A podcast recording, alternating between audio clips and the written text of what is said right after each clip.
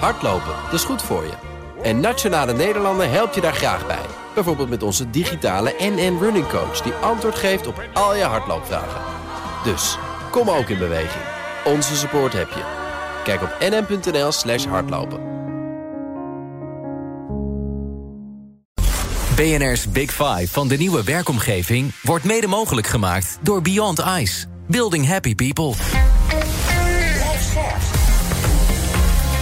BNR Nieuwsradio. The Big Five. Diana Matroos. Is hybride werken de heilige graal? Minister van Gennep vroeg een paar maanden terug in ieder geval om het te omarmen. Maar de CEO van Tesla, Elon Musk, is er helemaal klaar mee. En hij verplicht de mensen intussen om weer naar kantoor te komen. En dus ben ik heel erg benieuwd, heb je misschien wel iets heel anders nodig om tot die ideale werkomgeving te komen? Waar elke werknemer gezond en gelukkig kan zijn. En daarom spreek ik deze week met vijf kopstukken in BNR's Big Five van de nieuwe werkomgeving. En kijken we samen zowel naar de fysieke omgeving als naar de bedrijfscultuur. En vandaag doe ik dat met HR-stratege Wendy van Ierschot. Zij is oprichter van V-People en V-Tech. En uh, bij elkaar is het een HR-adviesbureau dat bedrijven helpt met groeien. Uh, natuurlijk is er ook onze eigen werkprofessor bij BNR. Dus uh, welkom hier ook ja, terug eigenlijk op je eigen nest. Ja, dankjewel, Jan. En goed ook om even erbij te zeggen... bedrijven die je dan adviseert, dat zijn niet de minste. Hè. Molly adviseer je... Sunweb, maar ook een bedrijf zoals Protex. Dus dan weten mensen ook een beetje vanuit welk kader je praat. Uh, voordat ik het met je ga hebben over het SER-advies hybride werken en ook meer zeggenschap voor werknemers waar ze willen werken, want dat kwam er uiteindelijk uit, wil ik eerst twee dingen van je weten. Allereerst, wat is het aller, aller, allerbelangrijkste dat een werkgever moet doen om aanspelers aan te trekken? Aandacht. Het is heel simpel, maar het gaat uiteindelijk om aandacht. En in de afgelopen week hebben we het natuurlijk veel gehad over inrichting van kantoren. Ook daar gaat het eigenlijk om aandacht. Hè. Heb je het leuk gemaakt voor mensen? Is het een inspirerende omgeving? Kun je er goed werken? Of zit je in een soort gehorig, uh, ellendig gebouw? Maar als het gaat om het aantrekken van aanspelers, dan gaat het erom dat je verbinding kan maken. Dat je snapt wat wil iemand, waar zit jouw ambitie? En hebben wij de omgeving waarin we dat ook voor jou waar kunnen maken? En doen we dat een beetje goed in Nederland? Mm, nou ja, matig zou ik zeggen. Ja, waarom vinden we dat zo moeilijk? Ja, waarom vinden we het moeilijk? Ik denk dat het echt in onze aard zit dat we allemaal heel graag verbinding willen maken, maar niet zo goed weten hoe we dat moeten doen. En ook, we zijn ook gewoon een beetje bang voor elkaar. Eh, wie weet ga jij zeggen iets tegen mij wat ik eh, niet goed doe? Dan denk ik, oh, ik ben niet goed genoeg. We willen de hele tijd bevestiging. We zien op eh, social media de hele tijd allerlei mensen die het allemaal veel beter doen dan wij. Dus de angst om afgewezen te worden of om niet goed genoeg te zijn, of het niet goed te doen, of het niet goed te begrijpen, die weerhoudt ons, denk ik, van echt verbinding maken. Heel interessant. Dan gaan we straks veel meer de diepte over in. Eh, want daar draait het uiteindelijk om. Hoe krijg je ook dat goede talent die ook past bij de werkomgeving eh, van nu? Eh, je vertelt daar, tweede wat ik van je wil weten. Je vertelt daar ook over op congressen. Samen met allerlei andere leiderschapsgoeroes. En ja, ik ben vaak dagvoorzitter op congressen. En dan hoor je vaak ook hele populaire, ook goede dingen hoor. Maar ook van die hele populaire, makkelijke dingen voorbij komen. Hoe zorg jij dat jij voorbij al die hypes komt? Ja, het is natuurlijk het is moeilijk om eh, een slager die zijn eigen vlees keurt of iets zeggen over mijn product. Maar eh, jij zei net van je adviseert die bedrijven. Wat wij nou juist precies anders doen, is dat wij het doen. Dus ik adviseer Molly niet, zo moet je het doen. Wij doen samen met hun, hebben we de recruitment gedaan, het bedrijf opgebouwd, gekeken naar welke organisatiestructuur past hier het best en dat ook mee implementeren. Dus we praten er niet alleen over, we doen het ook. Daar leer je natuurlijk een hele hoop van. En ja. uh, een van die dingen is bijvoorbeeld, we hebben het uh, op die congressen vaak over. Dit is de nieuwe manier van leiding geven. Of je moet dienend leiderschap. Of je moet uh, juist autoritair of zelfsturend. Maar heel veel van die dingen gaan ook over dat het bij jou moet passen. Dat je er echt zelf ook van denkt: dit is iets wat ik ook kan en wil. En daar hebben we het heel vaak niet over. Daarbij is het helemaal niet één heilige graal voor iedereen. Hè. Bij het ene bedrijf zou zelfsturing heel goed kunnen passen. Bij de ander wordt het de grootst mogelijke ramp. En dat vooruitzien van hé, hey, wat gaat hier in dit bedrijf succesvol worden, dat heeft ook gewoon te maken met heel veel ervaring opdoen. Ja, dus dat is eigenlijk ook aandacht geven dan. Hè. Je noemde net aandacht aan de, aan de de werknemers, maar ook aandacht geven aan het bedrijf. Ook Ja. als het over HR eh, gaat. Dus nou ja, Ja, maar ik hoor ook heel vaak, hè, dan, dan denk ik, dan hoor ik gewoon aan wat ze zeggen. Denk ik, je hebt nog nooit zelf met je voeten in de klei Ja. gestaan en dat gesprek gevoerd met die mensen. Met zo'n medewerker waar ik dus mee heb gezeten toen ik nog bij Shell werkte. Ja. Zo'n medewerker die dan eh, was weggeparkeerd op de bibliotheek.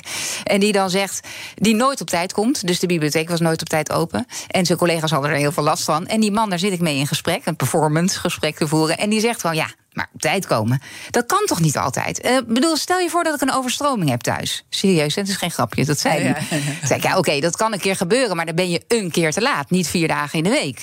En dan bleef, ja, maar ja, de tram kan ook niet rijden of dit. En dan zit je daar en denk je echt, oké, wanneer komt Kenneth Camera nu om de hoek? weet je, wanneer, wanneer?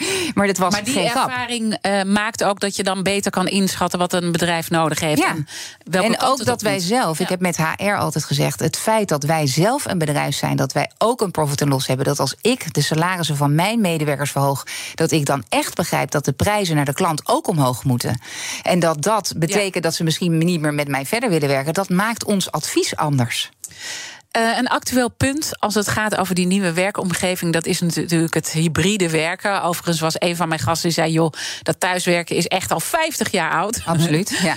Dus over hypes eh, eh, gesproken. Gesproken, ja. Is het inderdaad een hype of zijn we echt in transitie? Nou, kijk, eh, absoluut. Door corona zijn we iets wat we al konden doen, veel meer gaan doen. En ik denk dat een van de belangrijkste dingen is dat heel veel bazen ook dachten: als mensen thuis gaan werken, dan gaan ze de was doen en met de kinderen en PlayStation. Heel eh, veel wantrouwen. zat erom. wantrouwen. En dat bleek niet waar. Want mensen zijn eigenlijk productiever thuis. Hè? Dus het gaat eigenlijk beter.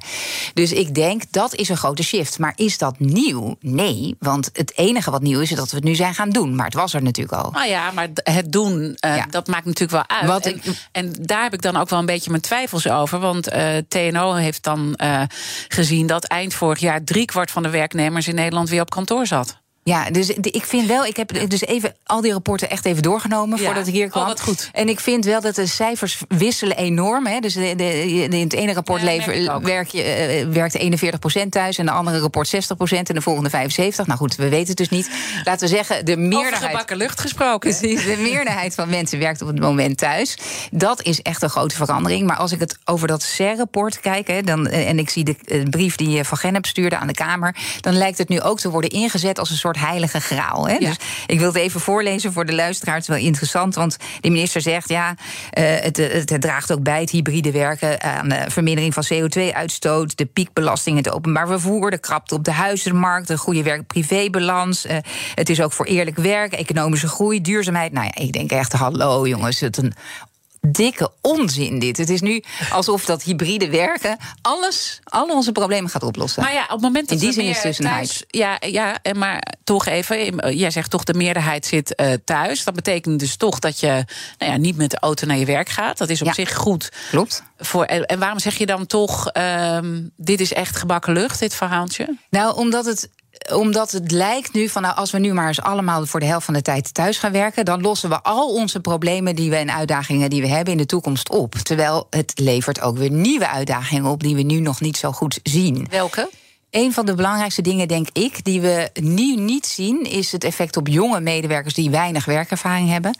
Ik denk dat wordt onderschat hoeveel je leert van afkijken. Ja. En afkijken, zoals, zoals iedereen kan zich voorstellen, als je een babytje hebt of een klein kind, dan zie je die leert ook door gewoon te kijken naar papa en mama. En dan lopen ze opeens. Mijn kinderen deden dat natuurlijk. Die liepen met een telefoon door de kamer te bellen. Ja, nee, ja, inderdaad. Nee, je moet dat doen. Ja, precies. mij te kopiëren. Eh, niet dat ik ze les gaf. Ik zat niet met hun in een Zoom-meeting te zeggen... weet je, als je rondloopt en je wil spelen, dan moet je dit doen. Nee. Ze leren het gewoon spelenderwijs. Spelenderwijs. Door ook te kijken, wat doen mijn collega's? Hoe gaat het in de vergadering? Hoe komt iemand binnen? Nou ja, zo krijg je ook een netwerk natuurlijk. Precies. En dat wordt denk ik echt onderschat. Wat het effect is van dat we eh, maar op bepaalde dagen gaan komen. Dat niet iedereen er is. Dat je nooit de hele dynamiek ziet. Niet de whole system in the room. Ehm, daarnaast denk ik dat wordt onderschat dat het leidinggevende echt heel erg. de manier van leidinggeven heel erg moet veranderen. Eh, normaal, wij- zijn als mensen gewired om een kamer binnen te komen en te zien waar zit het gevaar.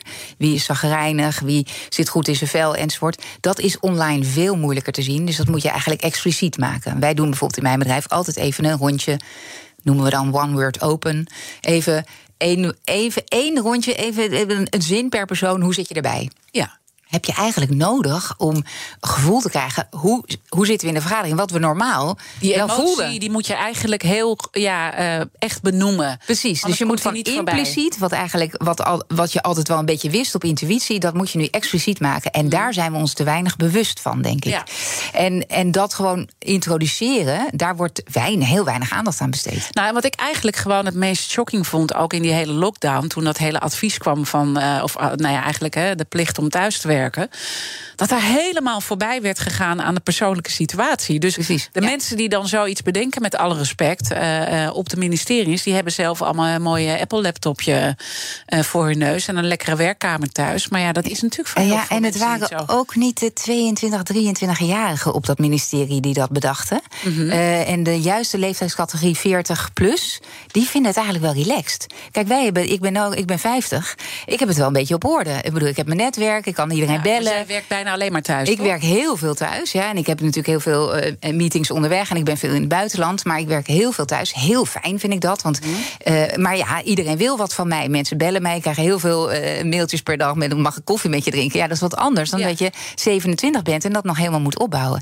Die mensen misten gewoon echt het, het Ja. sociale contact. Nou ja, en we zagen ook de problemen over cijfertjes gesproken, die trouwens ook elke keer wisselen. Maar je zag wel ook met het thuiswerken de burn-out problemen toenemen. Ehm, eenzaamheid was zo'n punt. Nou goed, die cijfers fluctueren Ook. ook allemaal. Ja. Nou komt op een gegeven moment moet, moet er toegewerkt worden. Hè, we hebben nu dat CER-advies, waar de werknemer uiteindelijk meer macht krijgt. Waar eh, ehm, ga ik werken, maar niet de wettelijke macht. Hè? Dus Ja. je moet nog steeds overleggen. Het- Het blijft allemaal een beetje een wassen neus. Er moet ook nog een thuiswerkwet dan eh, komen. Wat moet daar nou in staan? Ja, ik vind het wel grappig, ook in jouw vraagstelling, hè, want daar sla ik dan als ondernemer een beetje op aan. Van ja, het is een beetje een wassen neus en een werknemer die moet meer rechten krijgen. Ik denk echt, jongens, kijk even naar buiten. We hebben één grote krapte op de arbeidsmarkt. We kunnen allemaal niet meer vliegen van Schiphol. En dan vervolgens denkt de wetgever dat de bedrijven niet naar medewerkers gaan luisteren of met hun in overleg gaan treden wat het beste voor hun is om het werk te doen. We zitten allemaal op onze blote knietjes te, aan mensen te trekken die niet eens het werk kunnen doen, bij wijze van spreken, en ervaring ja, niet hebben of ze binnenkomen. ook wel de problemen. Hè. Kijk, als je kijkt naar de horeca, daar wordt ook gezegd... joh, die zijn structureel te lang onderbetaald. We Ja. hebben dus niet geluisterd en nu krijg je een probleem. Nu Precies. En nu gaan we dat dus wel Dus ja. doen. Dus, het is, de, dus de tijd is wel een beetje veranderd. En ik denk, eh, het moet nu over redelijkheid en billijkheid gaan. En dat is natuurlijk heel goed dat je met elkaar in overleg gaat. Maar ik denk dat dat ook, dus een krapte op de arbeidsmarkt gaat de, de grootste verandering brengen. Ook in de digitalisering en de technologie. The Big Five. Diana Matroos. Mijn gast is Wendy van Ierschot. Zij is ondernemer, investeerder, HR-expert en oprichter van V-People. Eh, voordat we wat meer gaan praten over wat V-People eh, doet en eh, wat de onderscheidende factor is, wil ik je toch ook even vragen naar echt zo'n traditioneel bedrijf zoals Shell. Want daar heb je uiteindelijk je HR-sporen verdiend. En je Absoluut. begint al een beetje te lachen. Ja. Je hebt er ruim zes jaar gewerkt. Ja. En wat is die lach dan? Ja, de- dat je zegt die sporen verdient. Ik ben Shell echt enorm dankbaar. Want daar ben ik echt goed opgeleid. Ik heb het vak daar geleerd. Eh, ik, mijn hart ligt nog steeds in Pernis op de raffinaderij. Dat vind ik een fantastische omgeving. Maar ja. Maar ja, ja wat is die maar ja? dan? Ja, maar ja, ja, ik dacht natuurlijk, ik kom daar werken in een bedrijf wat toen, hè, dat is nu een beetje de Google van vandaag. Hè, dat je denkt van oké, daar is het allemaal goed geregeld en hip en werknemers zijn heel belangrijk. En er waren toch ook heel veel mensen die daar zaten omdat het salaris gewoon verschrikkelijk goed was. Maar niet zozeer omdat ze zo bevlogen waren over hun werk. En ik heb daar ook wel gezien wat het doet als je een hele grote organisatie bent en er steeds meer afstand is tussen de top en de werkvloer. En wat zegt dat over de transitie die HR misschien moet ondergaan? Ja, ehm Kijk, ik denk, we hebben in, in de wereld van HR veel problemen ook met hoe noemen we het. Hè? Want human resources lijkt net alsof het een soort hulpbronnen zijn, net zoals uh, een machine. Uh, dan hebben we het over people and culture. Ik denk de grootste transitie van HR zit in dat we moeten opschuiven echt naar. Ons vak gaat over goed de organisatie inrichten en hoe optimaliseer je nou wat mensen kunnen doen op de werkvloer en hoe werken we als best beste samen met elkaar? Welk leiderschap heb je ervoor nodig? Uh, welke ontwikkeling moet je zelf HR doorgaan? daar niet altijd al voor? Wat is dan het verschil? Ja. En ook met wat jij dan doet? Veel mensen in HR zijn bezig met instrumenten. Dus op zichzelf. Dus we moeten een goede beoordelingsmethodiek hebben. We moeten mensen op een bepaalde manier aannemen. En die dingen hangen allemaal los van elkaar. Dus we, we, eh, dit is de goede methode om iemand aan te nemen. En eh, eh, we doen deze testen. En we doen het interview op deze manier. En dat doen we voor iedereen. En dat hangt los van hoe we mensen gaan beoordelen. En op welke waarden we die beoordelen. En dat hangt los van het leiderschapsontwikkelprogramma. En eh, wat mij betreft hoort dat samen. Daarnaast wordt er te weinig gezien dat er de hele tijd uh, tegenstellingen eigenlijk in ons vak zitten. Dus aan de ene kant moet je een cultuur hebben waar je fouten kan maken. Dus mensen moeten fouten kunnen maken. Maar mensen mogen niet incompetent zijn. En wat, wanneer is nou een fout iets waar je van leert? En wanneer is iets incompetent? En daar wordt in mijn vak eigenlijk te weinig aandacht aan besteed. Van wat is nou een het verschil? verklaring voor waarom daar zo weinig aandacht aan wordt besteed? Uh, een deel zit in dat uh, mijn vak komt uit een ondersteunende functie. Dus het was vroeger de secretaresse die deed het erbij. Het is een heel lang een HBO-opleiding geweest, wat hartstikke goed is, maar toch minder uh, wetenschappelijk onderbouwd, denk ik, dan uh, waar we nu naartoe gaan. Het tweede is dat het analytische deel. Hè, dus ik, ik vind nu voor mijn medewerkers bijvoorbeeld heel belangrijk dat zij die technologie echt omarmen. Want er is heel veel. Uh, ja, dus je hebt ook Vitech, hè? Dat ja, Vitech is een investeringsbedrijf. Daarmee investeer ik in bedrijven die technologie ontwikkelen in het people and culture domein. Dat moet je voorstellen, bijvoorbeeld een engagement uh, survey. Uh, vroeger kreeg je een enquête één keer per jaar van, nou, wat vind je van je werk en hoe vind je dit en hoe vind je dat.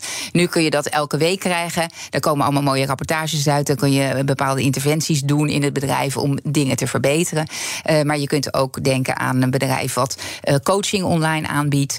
Um, en, en echte resultaten kan zien van hey, hoe kun je de burn-out rate verminderen. Dus in dat soort type bedrijven investeren. En is dat dan uh, is die technologie dan uh, wel uh, op dat maatwerk toegesneden? Hè? Want net zei je van ja, ze doen dan gewoon zo'n uh, onderzoekje. Hè? Ja. En dat is voor iedereen hetzelfde. Ja. Is dat met jouw technologie dan niet zo? Nou, voor sommige dingen natuurlijk wel. Hè. Dus als het, uh, maar bijvoorbeeld die coachings, uh, wat je nu heel veel ziet opkomen, hè, die, die online coachings-apps, daar zit gewoon heel veel potentie in. Want je kunt dat veel schriftelijk doen, dus achter je bureau. Hè, waar voel je spanning, waar gaat het over? dan kan je antwoorden. En die teksten, die kun je weer door een computer laten analyseren in wat is het sentiment, wat is je persoonlijkheid die erachter zit, in welke baan zit je, is die baan dan iets wat bij je past? En dat vind ik super interessant, dat we daar heel veel data over verzamelen. En op die manier mensen meer kunnen helpen om op een plek te komen waar ze ook echt tot hun recht komen. Ik denk dat het heel mooi is om de kettingvraag er hierbij te pakken. Want je zegt ja. uh, he, iets wat bij je past. En daar sprak ik ook over in de vorige aflevering met Willem van Renen. Hij is hoogleraar Engagement en Productivity aan Nijrode Business University. Trouwens ook bestuurder bij de Arbo-Unie, waar hij ook bedrijfsarts uh, is.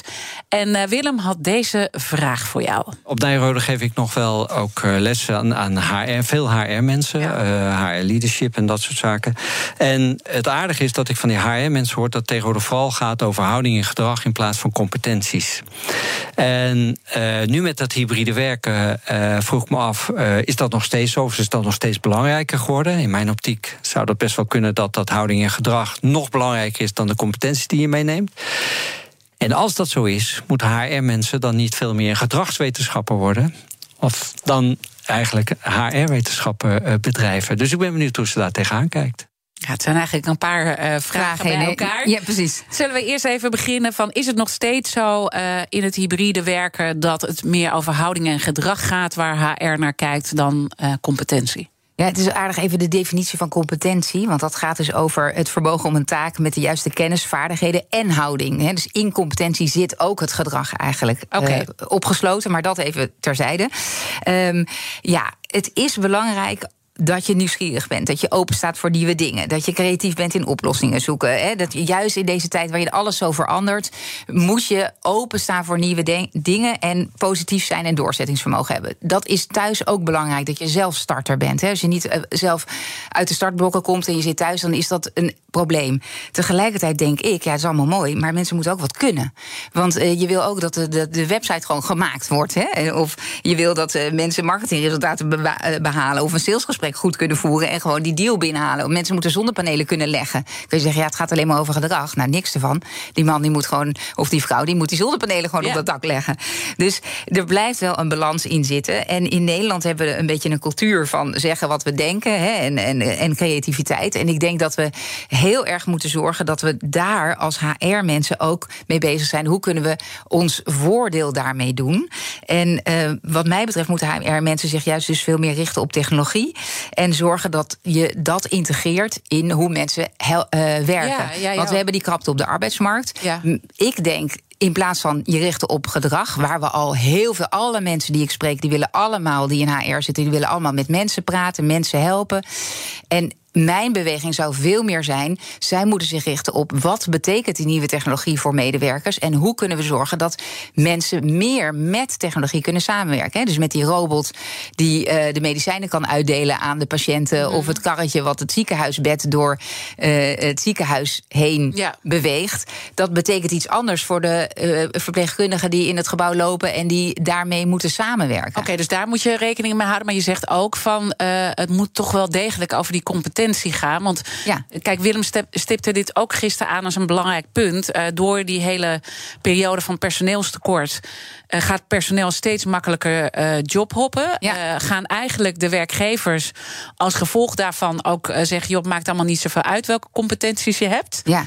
En gaan ze meer inderdaad, als iemand maar enthousiast is en het gedrag kijken. Waardoor uiteindelijk iemand iets doet wat misschien helemaal niet bij hem past. En dus weer heel snel uh, vertrekt. Dus dat, dat, Precies, en ze moeten wel dan opgeleid. Kijk, als je zegt van het gaat mij alleen om gedrag, dan kun je mensen aannemen. Maar dan moeten ze goed opgeleid worden in hun vak. En ik denk, weet je, HR-mensen, ik verbaas me erover dat er ik bedoel, heb jij het goede interview gezien met een HR-persoon over institutioneel racisme? Over ongelijke beloning tussen mannen en vrouwen? Als we het daarover hebben, hebben we de CEO aan, aan boord. Hè, die wordt geïnterviewd. Of, of eh, John de Mol. Maar niet eh, de HR-persoon van Talpa. zijn ze, dan toch, eh, zijn ze dan toch weer een beetje in de bijrol terechtgekomen? Nou ja, ik denk dus dat opinierende en een mening geven. En uh, nou, wat ik ook wel eens eerder heb gezegd, hè, we, we hebben het heel erg over kernwaarden. Van, ik heb wel eens in een ander interview gezegd van ik heb wel eens voor meneer gewerkt. En dat hebben we heel vaak, maar dit voorbeeld heb ik al een keer genoemd. Van uh, ja, onze kernwaarde is eerlijk en oprecht. En iedereen moet alles kunnen zeggen tegen elkaar. Maar zodra je iets zei tegen die man wat eerlijk en oprecht was, dan krijg je de wind van voren. En daarvan vind ik dat HR veel steviger zou moeten zijn in zeggen: hé hey vriend, jij wil dat, van mij mag het. Ja. Maar dan moet je je gedrag aanpassen. En als je niet je gedrag wil aanpassen, vind ik ook goed, want jij bent de baas. Maar dan moeten we niet deze kernwaarden hebben. En daarin vind ik HR dus te soft. Want wij willen mensen helpen en uh, ontwikkelen en gesprekken voeren en strategisch bezig zijn. Nou ja, dat is dus ook gewoon staan voor waar moeten we naartoe. Ja, laten we daar dan uh, zo meteen ook over verder praten. Uh, voordat we dat uh, gaan doen en naar de reclame gaan. nog even laatste nieuws, want dat zijn jullie natuurlijk ook bij ons gewend op deze zender. Britse media melden dat Boris Johnson opstapt. Hij komt volgens de BBC binnen enkele uren met een verklaring. Zijn vermeende ontslag volgt na een nieuw schandaal. Dat heeft geleid tot het vertrek van tientallen bewindslieden. Zodra er meer nieuws is, dan hoor je dat uiteraard op deze zender. Want we brengen je de hele dag het laatste nieuws. En ik zeg er nog even bij, uh, dit melden dus Britse media. Dus het is nog niet officieel. Maar hou het allemaal in de gaten. Straks praat ik dus verder met HR-stratege Wendy van Ierschot... over het samenstellen van een goed team... en wat nou goede leiders zijn in deze tijd. Blijf luisteren. Business Booster. Hey ondernemer, KPN heeft nu Business Boosters. Deals die jouw bedrijf echt vooruit helpen. Zoals nu, zakelijk tv en internet, inclusief narrowcasting... de eerste negen maanden voor maar 30 euro per maand. Beleef het EK samen met je klanten in de hoogste kwaliteit. Kijk op kpn.com slash businessbooster. Business Booster. Hardlopen, dat is goed voor je. En Nationale Nederlanden helpt je daar graag bij. Bijvoorbeeld met onze digitale NN Running Coach... die antwoord geeft op al je hardloopvragen. Dus, kom ook in beweging. Onze support heb je. Kijk op nn.nl slash hardlopen.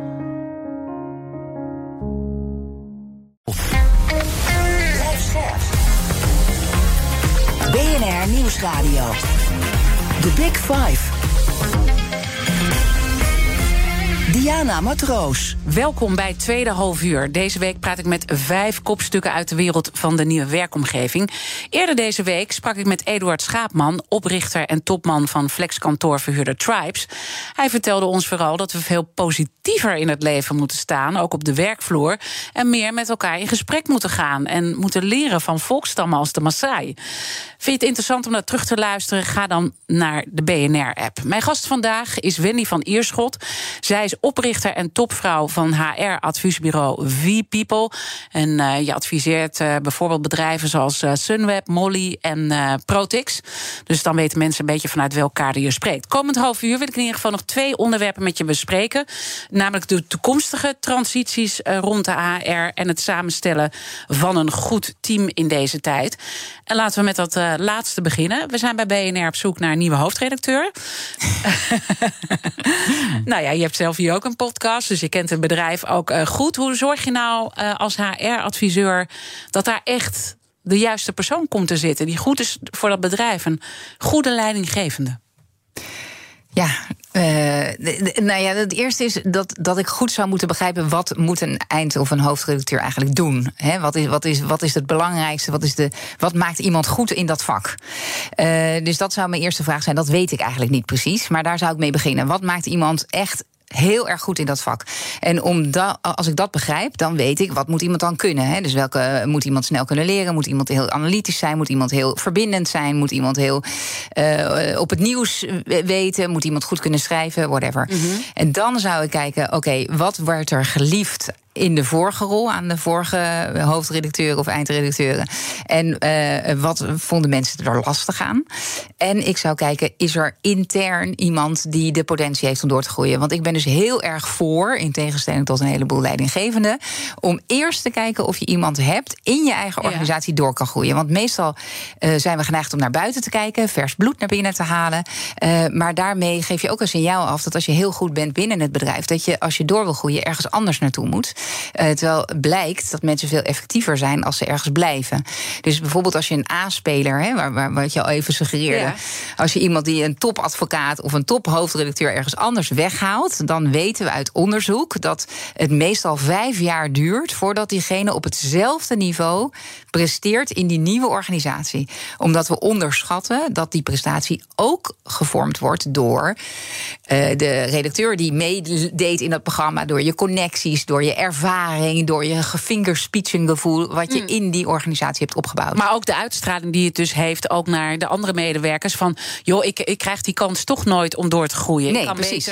Dus dat heeft iets teleurstellends. Daarbij ja. ga je een beetje kritisch te kijken. Hè. Dus we hebben een beetje. We, we denken ook, we, je vergelijkt eigenlijk appels met peren. Want van de mensen binnen de organisatie weet je de voor- en de nadelen heel goed. Mm -hmm. En die mensen van buiten niet. Die zien er allemaal nog roos, roze geur en maneschijn uit. Terwijl als ze natuurlijk binnen zijn, dan hebben die ook net zoveel nadelen. Alleen die heb je nog niet gezien. Dus het is ook moeilijk om echt, als mensen zeggen: ja, maar ik wil gewoon van buiten, uh, wil ik gewoon vergelijkingsmateriaal. Maar dan zeg ik ja, dan vergelijk je sowieso appels met peren. Want ja. van buiten weet je nooit, ken je nooit iemand zo goed als dat je diegene van binnen kent. Dus ik zou kijken wie van binnen, want die hebben veel meer kans op succesvol ja. zijn. En dan zou ik ook een beetje toch kijken wie heeft het meeste draagvlak voor die rol. Ja, en is er ook nog iets uh, tijdspecifiek? Hè? Want we leven natuurlijk in een ja, ja. ongelofelijke tijd Zeker. van transitie nu. Ja. Het zijn heel veel transities bij elkaar. Ja. Wat, wat, heeft, wat, wat voor leider past bij deze tijd? Nou ja, kijk, ik denk absoluut hè, een soort gevoeligheid. En dat, dat klinkt heel vrouwelijk, maar ik bedoel meer uh, de, de, de. Je moet begrijpen dat racisme institutioneel racisme, dat dat een moeilijk thema is. Waar je niet zo goed in één slag iets over kan zeggen. Oh, dat gaan we zo doen. Of ik vind er dat van. Uh, zeker niet als leidinggevende. Dan moeten we eigenlijk ons allemaal bewust zijn. Ik zou willen dat de nieuwe eindredacteur ook bij jullie. Uh, zich hoofdredacteur. hoofdredacteur ja. Dat die hoofdredacteur ook begrijpt van. Ik moet uh, het gesprek daarover aangaan. Met iedereen. Niet alleen met de mensen die dat misschien betreft. Maar ook met iedereen. Van wat, hoe vinden wij dat eigenlijk? Hoe, hoe maken wij onze redactie meer van kleur? Wat, wat, wat willen we daarin doen? Dus een soort gevoeligheid voor die thema's. Mm -hmm. Ook voor de MeToo dat, uh, waarom is dat belangrijk? Want eerder heb ik je horen zeggen van... joh, als je er gewoon niks hebt met het thema diversiteit... Ja, hè, want dat ja, zijn doe er dan niks mee. Doe er dan vooral niks mee. Ja, dat klopt, maar die tijd is wel een beetje veranderd. Want nu is het wel zo dat het afbreekrisico heel groot is.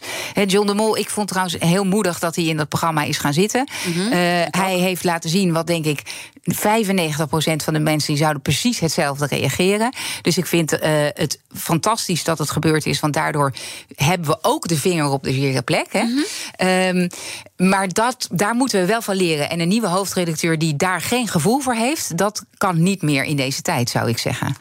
Um, en dat denk... Omdat het afbreukrisico gewoon te groot is. Hè? Want je ziet het natuurlijk aan tal van verhalen dat uh, ja, echt de leiders uh, in de problemen komen. Hè? Je Precies. John de Mol. Ja. Nou ja, uh, Boris Johnson heeft nu ook problemen als daar laatste nieuws over komt. Want Britse media melden dat hij uh, op zou stappen en dat hij binnen enkele uren, zegt de BBC, met een verklaring uh, komt. Ja. En dat heeft natuurlijk ook met, met uh, ja, het steunen van anderen met grensoverschrijdend gedrag. gedrag precies. Ja, en het is, het is dus heel uh, fascinerend. Daarom vind ik mijn vak zo leuk. Dat we aan de ene kant houden we van Boris Johnson. Want hij brengt spektakel. Het is een leider. Hij staat er. Hij zegt gewoon: ik ga naar rechts. En of de hele wereld er nou mee eens is, kan me geen reet schelen. Dit is wat ik wil doen. Daar houden wij van als mensen. Net zoals met Trump, hè, waarvan wij ons niet kunnen. Ik in ieder geval niet begrijp dat die man op die plek is gekomen.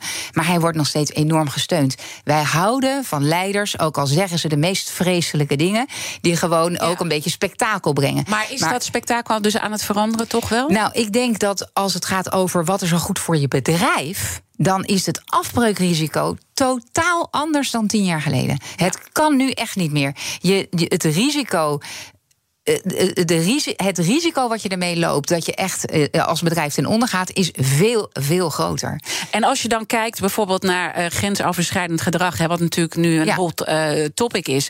Hoe zorg je er dan voor? Want ik heb ook het idee, hè, bedoel, sommige bedrijven hebben een hele goede vertrouwenspersoon die ook echt een positie heeft. Maar bij ja. sommige bedrijven is het ook een beetje wat je eerder zei over HR, een beetje erbij. Ja, precies. Uh, wat, wat, hoe moet je dat nou goed organiseren om echt bij die nieuwe nou ja, Dus daar is ook, want dat grensoverschrijdend gedrag, hè, het is, dat is dus ook, dat is wat ik een beetje bedoel met die gevoeligheid. Um, dat. Um, het, het, is niet zwart-wit. Je kunt niet zeggen dit mag wel en dit mag niet. Want ook in welke context je staat, welke verhouding je met elkaar hebt, kan de ene grap wel en de andere grap niet.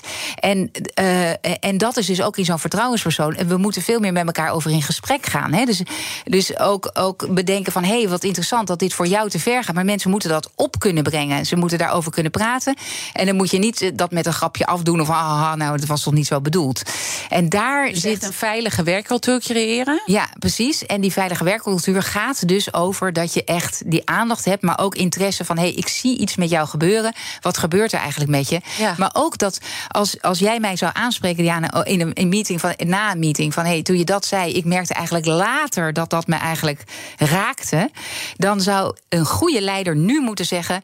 Goh, vertel me eens, wat, wat gebeurde er dan eigenlijk precies met jou? En op welk moment deed ik dat? En goh, wat, wat, ja, wat, wat, wat, wat suf van mij. Dat heb ik helemaal niet gemerkt. Daar was ik nee. me niet bewust van. Dus eigenlijk en dat is, moeten HR-mensen een beetje interviewers worden zoals ik. Gewoon ja. de vraag achter de vraag stellen, doorvragen. Precies, doorvragen. En dus, ook die vertrouw- ja. en dus het ligt ook niet bij de vertrouwenspersoon. Die moet het niet oplossen. Wij moeten zelf allemaal... Ik vind dus ook als het, als het gaat over MeToo of over racisme... denk ik de oplossing zit in dat anderen reageren. Dus als er een grapje wordt gemaakt in een kamer, want heel vaak gebeurt het met anderen erbij. En iedereen lacht een beetje mee, haha. Maar juist die anderen waar het grapje niet over ging, of de racistische opmerking niet over ging, die moeten eigenlijk ingrijpen. Dus we moeten het met elkaar doen. Ja. En dat is ook, ik heb bij de werkprofessor ook over geweld bijvoorbeeld in. in ja, in de werkprofessor hier op deze zender. Ja, de werkprofessor podcast. podcast. Um, daar gaat ook over dat wij in Nederland lopen, zijn we koploper op geweld op de werkvloer.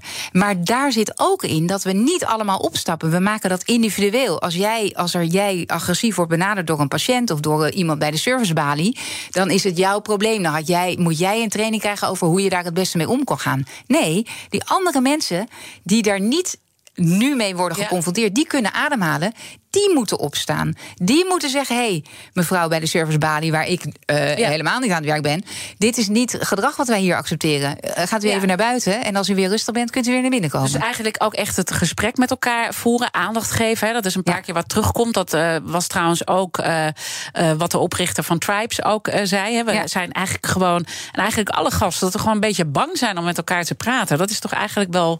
Ook omdat je niet meer weet wat er goed is. Weet je wel? Van wat, wat mag ik nou zeggen? Wat mag mag ik niet zeggen, zo direct zeg ik iets verkeerds. Maar dat. die polarisatie en ook die druk van buiten. Ja, eigenlijk. en Ja. dat moeten we juist bespreken. En het grappige is dat ik heb ook wel eens gezegd, bijvoorbeeld over COVID, hè, over wel of niet vaccineren, heb ik op een gegeven moment gezegd dat moet je juist niet bespreken op de werkvloer. Want, we, de- want dat is zo gepolariseerd. En als je nu je niet laat vaccineren na anderhalf jaar, dan ga je het nooit meer doen.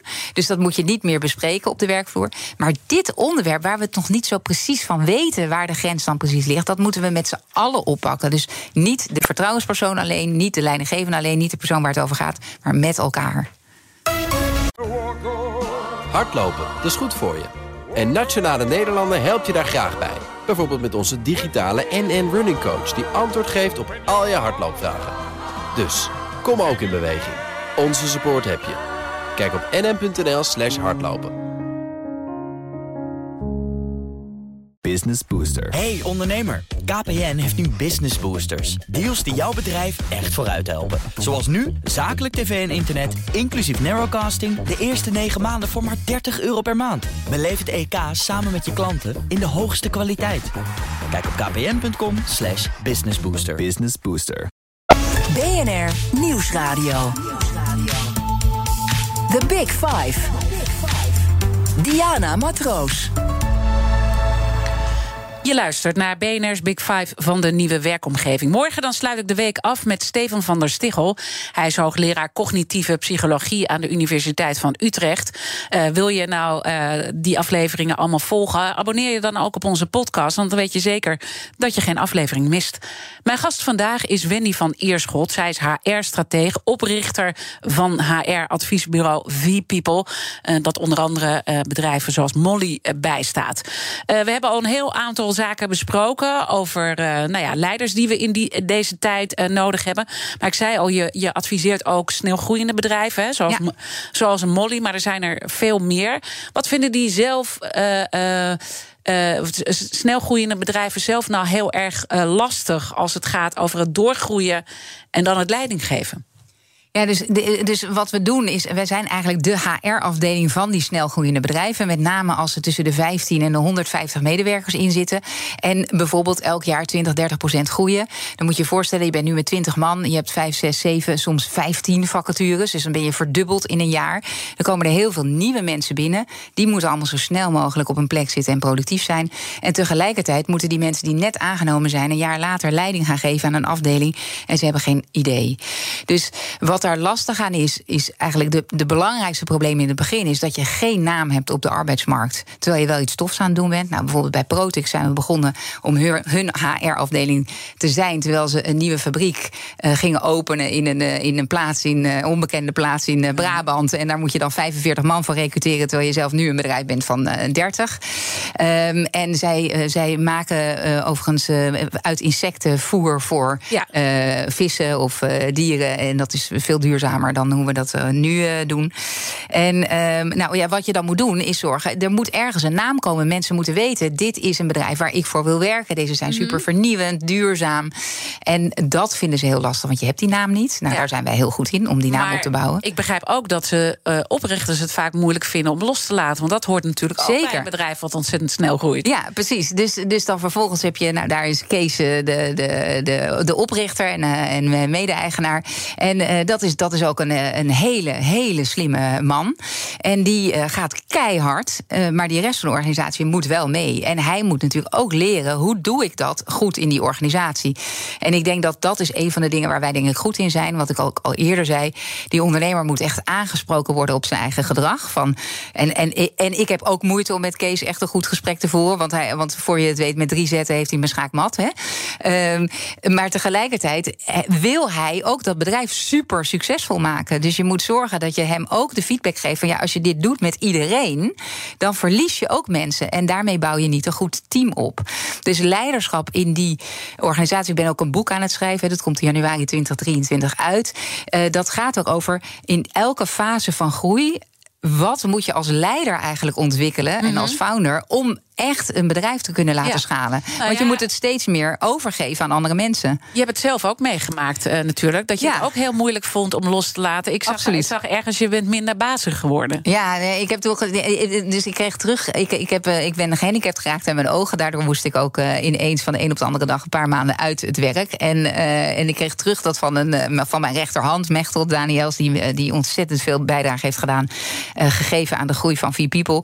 En eh, ik ging haar dus nadat ik al zes weken weg was, een soort van zeggen wat ze allemaal moest doen. Terwijl zij dacht: ja, jij ligt hier op de bank, je bent eh, even uitgeschakeld. Het is allemaal prima. Ik probeer al die ballen in de lucht te houden, maar eh, kan je even iets minder bazig doen. En eh, wat ik het mooie vond van mijn transitie is dat ik eigenlijk heb geleerd doordat ik dingen niet meer kon en het over moest geven aan andere mensen. Dus ik ben er ook een beetje in geholpen. Is mijn bedrijf veel harder gegroeid? Want ik deed het allemaal zelf en ik vond mezelf er ook behoorlijk goed in. Maar als ik, en, en dat, is, dat is grappig, hè? want als ondernemer moet je natuurlijk een beetje ego hebben. Je moet denken: ik kan het beter dan anderen, want anders begin je niet voor jezelf. Ja. Maar op een gegeven moment moet je denken: ja, ik kan alles beter dan anderen. Maar als ik dit echt een wereldmerk wil maken, dan moeten anderen dit beter gaan doen dan ik. Ja, dus dan moet je plaats maken. En wanneer eigenlijk. moet je dan die switch maken? En dat moet je eigenlijk best wel snel maken. En eh, als je dan niet meer kan, ja, dan is het makkelijk om die switch te maken. Maar ik merkte ook, de lat leg ik veel hoger voor andere mensen die mijn werk aan het overnemen zijn, dan dat ik dat voor mezelf deed. Dus daardoor wordt het bedrijf eigenlijk veel beter. Maar wat ik ook mooi vind wat je zegt, is dat je eigenlijk met een handicap gewoon eh, het veel beter kan doen dan dat je het daarvoor eh, deed. Het is Ja, ik beg- wel een beetje afhankelijk van de handicap die je hebt. Hè? Dus Ja. ik wil ook niet mensen te makkelijk eh, hierin wegzetten. Maar het- je kan ook iets ombuigen naar een Nou ja, ik, ik begin langzamerhand, want ik heb een hele tijd helemaal niet over mijn handicap willen praten of er niet mee bezig willen zijn, want ik denk ik ben zoveel meer dan dat. En eh, dat geldt denk ik voor iedereen. Daar heb ik je ook niet naar gevraagd. Precies, nou, dankjewel. Uh, maar ik begin wel langzamerhand te denken van... ik zou misschien wel een voorvechter willen zijn... dat veel meer mensen met een beperking, welke dan ook... Uh, of een achterstand, uh, dat ondernemerschap eigenlijk zouden moeten instappen. Want je hebt al zoveel overwonnen. Je moet zo creatief zijn om het leven aan te pakken. Dat je daarmee misschien wel een aantal cruciale vaardigheden hebt, of competenties, of gedrags- of houding uh, dingen, die je misschien wel heel succesvol kunnen maken. En ik kan alles inrichten in mijn bedrijf, zodat ik optimaal kan functioneren. Oké, okay, mooie tip. Uh, nog een belangrijke tip richting de toekomst. Ook als het gaat over. En ik zit naar de klok te kijken. Ja. We hebben nog drieënhalve minuten. We moeten ook de kettingvraag nog stellen. Oh ja. Dus we moeten een beetje vaart uh, maken. Maar als je kijkt naar uh, talent van de toekomst. Hè, wil je future-proof zijn als bedrijf? Wat voor talent heb je nodig? Wat zijn de belangrijke trends om rekening mee te houden? Ja, dus ik denk, uh, we moeten dus heel goed. Ik, ik zou iedereen aanraden om het boek van uh, uh, The Every of Het Alles te lezen van Dave Eggers en Machines Like Me van Ian McEwan. Want dat geeft namelijk een heel goed beeld over futuristische toekomst. Zeker HR-mensen zouden dat moeten lezen. En ik denk dat voor de toekomst van het samenstellen van een goed team het echt belangrijk is dat je weet wat zijn mijn kernwaarden. Hè? Wat vind ik belangrijk? Moeten mensen eerlijk oprecht zijn? Bij ons hebben we bijvoorbeeld goed samenwerken. Hè? Je moet het samen doen, beter maken, oprecht direct. Daar moeten mensen gewoon aan voldoen. En verder moet je focussen op je productiviteit. En moeten we kijken naar die dynamiek. Dus aan de ene kant wil je mensen die goed kunnen samenwerken. En aan de andere kant moeten mensen echt heel erg goed willen worden in hun vak. En hoe word je nou goed in jouw vak? Die competenties letten eigenlijk, wat nu een beetje wegdreigt te. Dreigt te gaan, ja. Van hoe maak je mensen echt goed? Hè? Dus ik, ik denk de hele tijd, hoe wordt iemand echt een Wimbledon-speler? Dat is ook gewoon heel veel oefening in het vak. En daar hoort ook dat je doorzettingsvermogen hebt en dat je niet gek laat maken op de, op de tennisvloer bij. Maar goed worden in je vak is gewoon echt heel erg belangrijk. En die technologie, want dat heb je al eerder benadrukt. Ja. Super belangrijk. Uh, ja. Want we zullen ook meer met robots en al dat soort dingen moeten gaan werken. Ja, en dat wordt ontzettend leuk. Dus mensen lijken nu als, als een soort. Uh, maar ik kom daar graag nog een keer voor terug. Maar ja. over hoe we met, met robots en technologie kunnen werken. Het is zo leuk als je daar even overheen zet. Over alle angsten van. Oh, ik begrijp het niet en ik weet het niet. Nu kun je nog alles leren. Niemand begrijpt het nog. Niemand weet het nog. Leuk, leuk dat je dat zegt. En alles gewoon een beetje ombuigen naar positief. Dat zijn mijn andere gasten ook. Uh, je mag een uh, korte, bondige vraag stellen aan mijn volgende gast. Ja. de kettingvraag. Dat is Stefan van der Stichel, hoogleraar cognitieve psychologie aan de Universiteit van Utrecht. Wat zou je hem willen vragen? Ja, Stefan, je was natuurlijk bij mij te gast in de Werkprofessor podcast. die op 9 maart 2020, vlak voor de coronacrisis, online kwam. En jij pleitte daarvoor dat aandacht en concentratie veel belangrijker is... en dat je vechten tegen de kantoortuin. Voor mijn gevoel is het nu, de stilteplek is meer thuis geworden... en op het kantoor gaan we komen voor lawaai en overleg en creativiteit. Vind jij dat een goede ontwikkeling? Mooie vraag, die ga ik hem stellen. Eigenlijk de laatste vraag die ik jou wil stellen. We hebben heel veel onderwerpen gehad, uh, maar uh, er wordt ook aangegeven dat we steeds meer op output uh, gaan sturen in plaats van aanwezigheid. aanwezigheid en je ja. begint al te lachen. Is dat de, dat de volgende ja, nou ja, kijk, door moeten komen? Kijk, de zin van aanwezigheidscultuur, namelijk je bent er gewoon en wat je doet maakt niet uit, naar output, het resultaat telt, dat is natuurlijk een goede zin. Maar output is heel moeilijk. Wat is dan precies de output? In zoveel banen is het zo moeilijk te zeggen wat goede output is. Dus daar, daarom begin ik er een beetje over te lachen. Maar ja, uh, meer sturen op resultaten is altijd goed.